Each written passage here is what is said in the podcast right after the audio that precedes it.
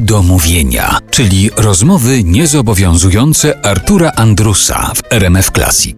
Dziś z Anną Marią Jopek.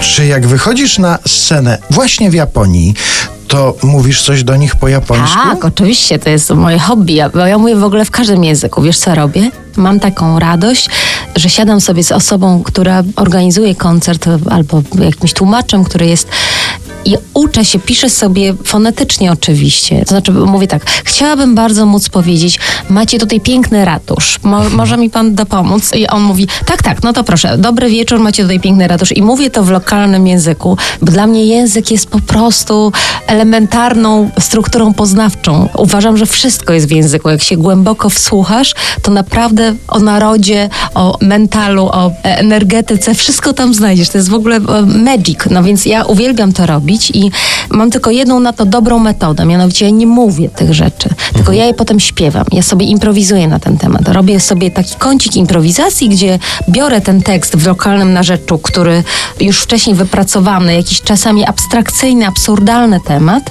Ja o tym śpiewam. Jest to o tyle łatwiejsze, że mogę dobrze nie znać akcentacji, ani też nie muszę się martwić, że coś jest krótsze albo dłuższe, coś powinno wybrzmieć, tylko w muzyce to osiąga trochę stanu nieważkości, więc trochę łatwiej te rzeczy jest potem zrozumieć.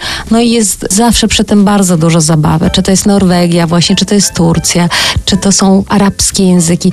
Fantastyczne to jest, jak możesz przepuścić przez siebie estoński na przykład. No bo po prostu jest tyle nieprawdopodobnych języków, których dane mi było pośpiewać przy okazji. No dobrze, i to są takie rzeczy, które trwają tylko przez te chwile, kiedy Tak, to śpiewasz? tak, czy coś tak. zostaje w pamięci? Czy jest jakaś taka rzecz z tych improwizacji, Nie, które, nie, nie, które nie. zostały ci w Nie, pamięci? wiesz, ja nie, ja nie mam takiej, ja chyba nie mam wielkiego daru do języków, między nami mówiąc.